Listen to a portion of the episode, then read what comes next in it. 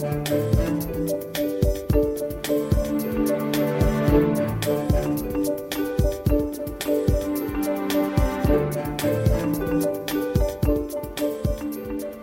Bodziuk, dzień dobry. To jest program Szczerze o Pieniądzach. W studiu gość Dorota Bieniesz, wiceprezes ZUS. Dzień dobry Pani Prezes. Dzień dobry. Porozmawiamy sobie o świadczeniach dzisiaj, ale zaczniemy trochę tak jakby z innej strony, bo w większości przedsiębiorców ZUS kojarzy się z tym, że trzeba e, wpłacać składki, tak mówiąc najbardziej ogólnie i najprościej. Ale też niektórzy przedsiębiorcy już wiedzą, a za chwilę dowiedzą się kolejni, że to może być transfer pieniędzy w drugą stronę, że ZUS ma także e, programy, które pozwalają dofinansować pewne e, działania przedsiębiorców. Bo jak my myślimy o dofinansowaniu, to pewnie gdzieś pojawiają się takie instytucje jak e, Narodowy Fundusz Ochrony Środowiska, czy NCBIR, czy jakieś projekty unijne, a tu proszę bardzo, w ZUS-ie są pieniądze. Co to za pieniądze, pani prezes? Tak jest. ZUS od, e, w przyszłym roku będziemy obchodzić dziesięciolecie. Od 2013 roku e, e, dofinansowuje prewencję wypadkową. W ramach działań podejmowanych w tej prewencji wypadkowej mamy taki program, który nazywa się dofinansowanie płatników składek. Jest to dofinansowanie płatników składek, którzy podejmują takie działania, takie przedsięwzięcia skierowane na to, żeby zapobiegać, eliminować wypadki przy pracy i choroby zawodowe, żeby poprawiać środowisko pracy pracowników, a celem jest zachowanie zdolności do pracy pracowników przez cały czas aktywności zawodowej. Pani prezes, czyli mówiąc tak najbardziej e, obrazowo, e, jeżeli jakiś przedsiębiorca, dajmy na to właściciel jakiejś fabryki, większej, mniejszej, do tego zaraz dojdziemy, e, ma nie wiem, linię produkcyjnej, przy niej e, e, miejsca pracy i on chce, czy ma pomysł na to, jak te miejsca pracy usprawnić, zabezpieczyć, poprawić komfort pracownikom, to może pójść do ZUS-u i powiedzieć: Słuchajcie, mam taki pomysł i co dalej? Mo- może złożyć wniosek, w którym e, przedstawia, jaki projekt tutaj chciałby u siebie wdrożyć, czy chciałby zastosować jakieś mm, specjalne maszyny, które eliminują hałas, promieniowanie, e, e, nadmierne oświetlenie, e, ciszę większą w środowisku pracy. Przedstawia to, składa wniosek. E, Wniosek bierze udział w konkursie. Najpierw podlega ocenie formalnej przez pracowników zakładu, czyli są, czy są spełnione wszystkie wymagania formalne danego konkursu, łącznie z tym, czy na bieżąco ma opłacone składki na ubezpieczenia społeczne i zdrowotne a następnie po przejściu tej procedury formalnej przechodzi do kwalifikacji merytorycznej. Kwalifikację merytoryczną dokonują biegli w danej dziedzinie e, pracownicy Centralnego Instytutu Ochrony Pracy, czy też osoby przez nich zakontraktowane, które są e, fachowcami w dziedzinie danego projektu.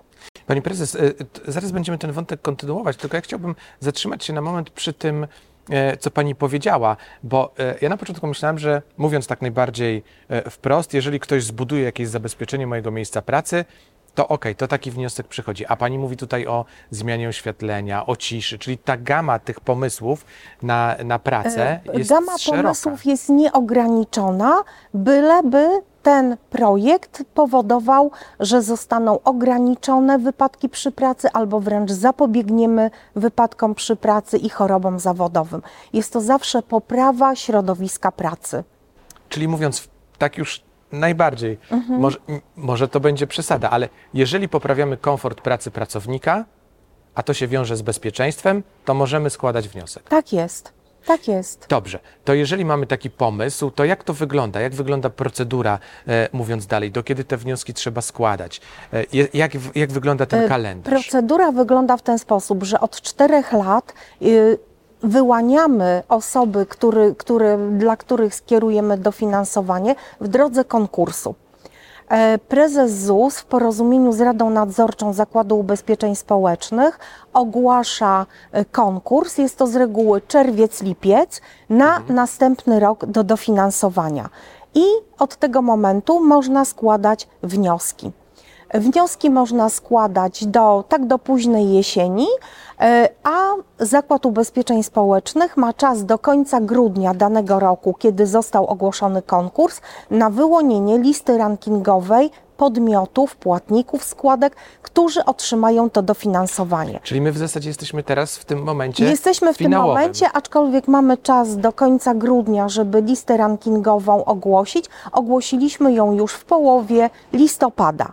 E, I wszyscy, którzy e, nie znaleźli się na tej liście, to jeżeli z powodów formalnych mają prawo w ciągu 14 dni odwołania się od em, tego postanowienia, natomiast jeżeli z powodów merytorycznych, no to niestety już od tego odwołania nie ma. E, Publikujemy tę listę rankingową. W tym roku jest to ponad już na dofinansowanie w 2023 roku ponad tysiąc e, podmiotów wyłonionych. E, Jest kilkadziesiąt podmiotów, które się nie znalazły na tej liście rankingowej, ale też spełniają wszystkie kryteria formalne i merytoryczne. Lista jest, e, tutaj mamy dobrą wiadomość, aktualizowana, ponieważ z tej listy podstawowej często ubywają podmioty, rezygnują w trakcie. Na przykład jest to mała firma, która zawiesza albo likwiduje działalność. Wówczas ta lista się przesuwa, aktualizujemy ją i osoby, które na dzień dzisiejszy nie znalazły się na liście, mają szansę na tej liście się znaleźć. No dobrze, pani prezes, powiedziała pani tutaj mała firma. E, do kogo ten program jest skierowany? Program jest skierowany do wszystkich płatników składek i zawsze był skierowany do wszystkich płatników. Jednakże w pierwszych, właśnie chciałam powiedzieć, że w pierwszych latach działania dawaliśmy większe dofinansowanie takim małym firmom, mikro, małym, średnim, najmniej dostawały duże firmy. Od tego roku, po zmianie w kwietniu tego roku przepisów, wszyscy mają równe prawa. Wszyscy czy to duża firma, czy to mała firma, może dostać 80% dofinansowania, 80% wartości projektu, nie więcej niż 300 tysięcy, jeżeli jest to projekt doradczo-inwestycyjny i nie więcej niż 299 tysięcy, jeżeli jest to tylko projekt y, inwestycyjny. Także wszyscy w tej chwili mają równe prawa.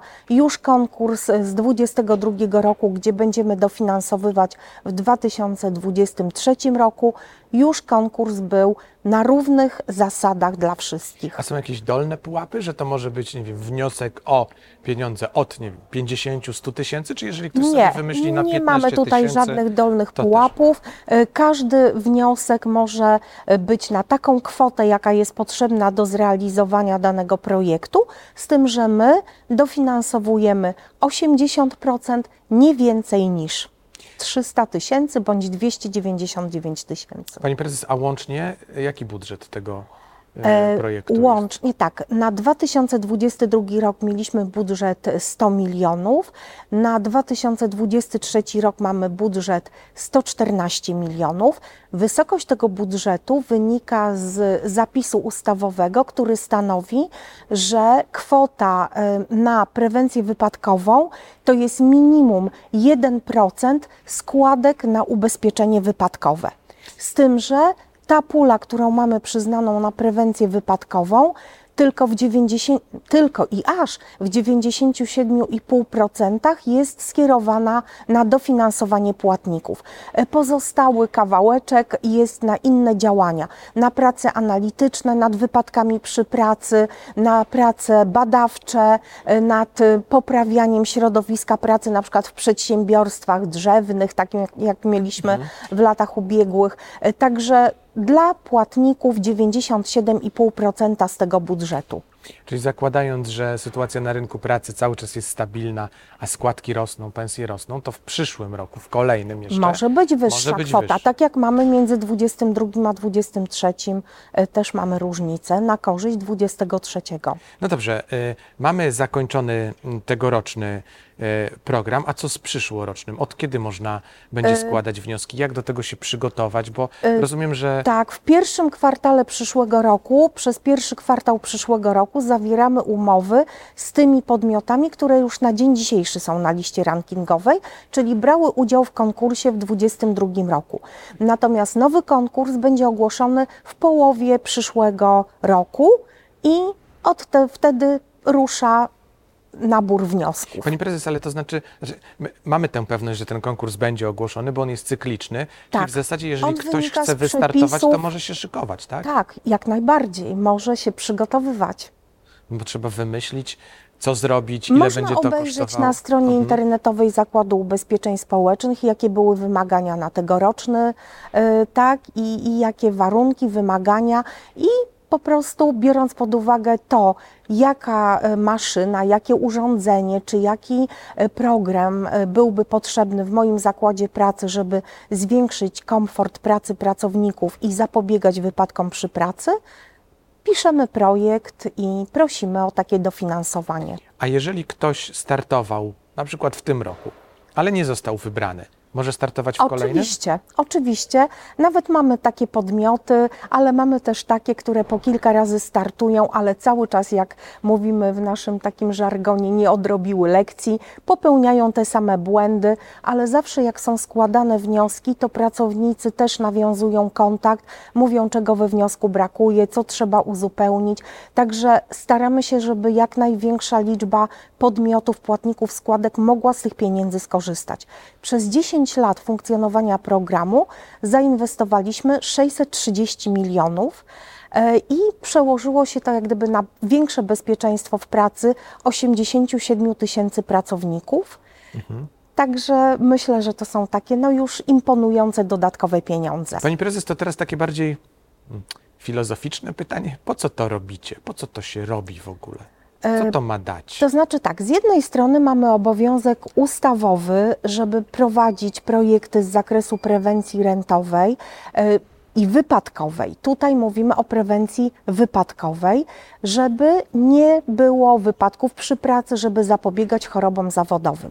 A z drugiej strony jest to też dla ZUS-u wymierna korzyść, bo pracownik, który nie choruje, który się nie staje niezdolny do pracy z powodu e, warunków pracy, z powodu wypadku przy pracy, nie korzysta ze zwolnień lekarskich, więc nie wypłacamy zasiłków chorobowych a jednocześnie wzrasta mu kapitał na emeryturę i pobiera wyższe świadczenie emerytalne.